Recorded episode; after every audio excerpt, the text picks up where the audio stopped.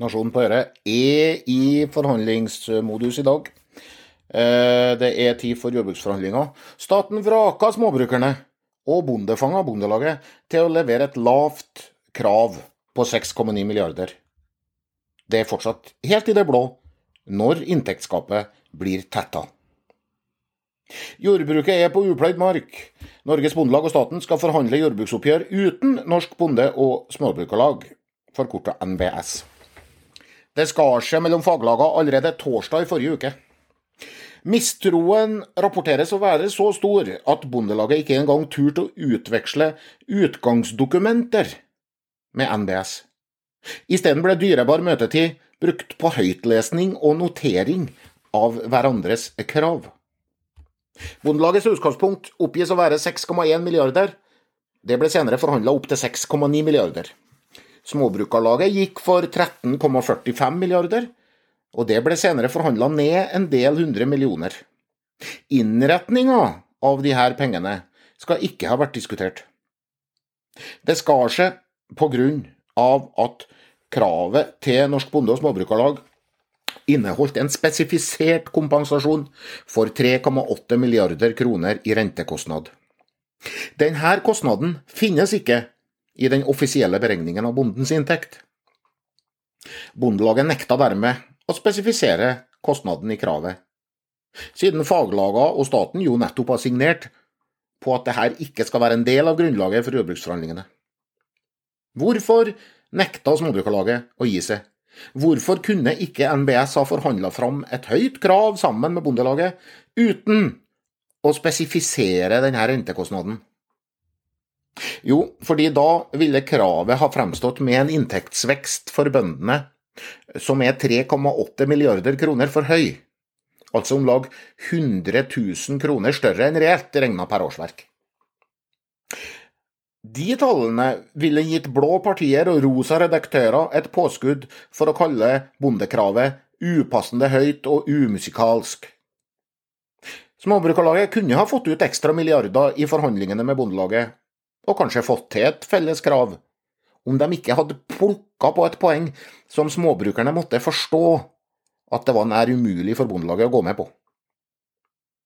Burde Småbrukarlaget forstå at de dermed har gitt staten et godt argument for å velge Bondelaget å forhandle med?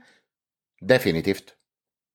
Kunne Bondelaget ha vært mindre stivnakka og mer forhandlingsvillige i møte med Tor Jakob Solberg, en småbrukerleder som Bondelaget måtte se at var en hardere negl, med et tøffere mandat enn i fjor.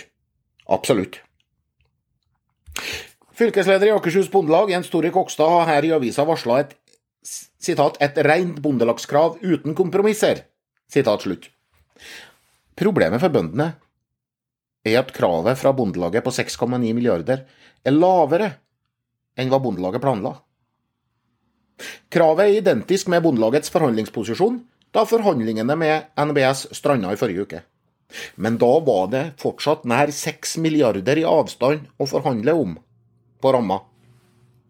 Bondelagets utgangskrav i møte med Småbrukarlaget er alltid mye lavere enn det Bondelaget mener er et riktig krav til staten. Det gjøres for å ha forhandlingsmonn med Småbrukarlaget. Kunne Bondelaget ha justert opp sitt krav etter bruddet med NBS? Neppe. For det første vet staten hva Bondelagets krav sto i da forhandlingene stranda. For det andre så vil en sånn justering være en innrømmelse av at Bondelaget møter Småbrukarlaget med fiktive tall. Nå blir det forhandlinger. Staten vil komme med et tilbud på 3-4 milliarder. Lavere kan ikke Sandra Borch gå. Bøndene må nemlig ha minst 3 milliarder for at inntektsgapet ikke skal øke. Regjeringsplattforma pålegger landbruks- og matministeren å legge fram en forpliktende plan for tetting av inntektsgapet mellom bønder og andre grupper. Stortingsflertallet har vedtatt det samme. Dersom Bondelaget ikke vil forhandle på statens tilbud, så vil tilbudet gå til Stortinget for vedtak. Og Sandra Borch kan jo ikke be Stortinget vedta et tilbud som øke inntektsgapet. I fjor tilbød staten 30 000 kroner per årsverk i tetting av inntektsgap. Hvis ikke Sandra Borch vil være mer knipen enn i fjor, så må statens tilbud i år være drøye fire milliarder. Og det er ikke mye. Med denne takta så vil ikke inntektsgapet være fjerna før langt ute på 2030-tallet. Bjørn Gimming sier at Bondelaget citat, 'krever etter behov', citat slutt. Uten å vite hvor stort inntektsgapet, og dermed behovet, er. Han tar heller ikke hensyn til at de udekkede rentekostnadene faktisk stiger med nær 100 000 kroner per gårdsbruk, og dermed tar storparten av den beregnede inntektsveksten. Det er uklart hvorvidt det her er egnet til å imponere regneføre bønder. Vil Søyland, statens forhandlingsleder, får på sin side ingen Oscar for å spille sjokkert over at bøndene krever tetting av inntektsgapet med 120 000 kroner. I fjor krevde jo bøndene å få tetta 100 000 kroner.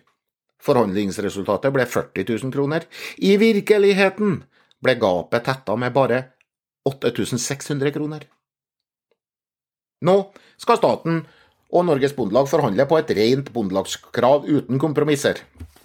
Det betyr ikke at partene kan straffe småbrukerne og innrette jordbruksavtalen for storbøndene. Det ser heller ikke ut til å være Bondelagets plan. Tvert imot er det mye til melk, til velferd og til Nord-Norge i kravet. Ja, ikke at partene unngår bråk bare for det. Nasjonen på Øret ønsker deg et eh, spennende jordbruksoppgjør videre, og vi følger sjølsagt med. Ha en fortsatt riktig god dag.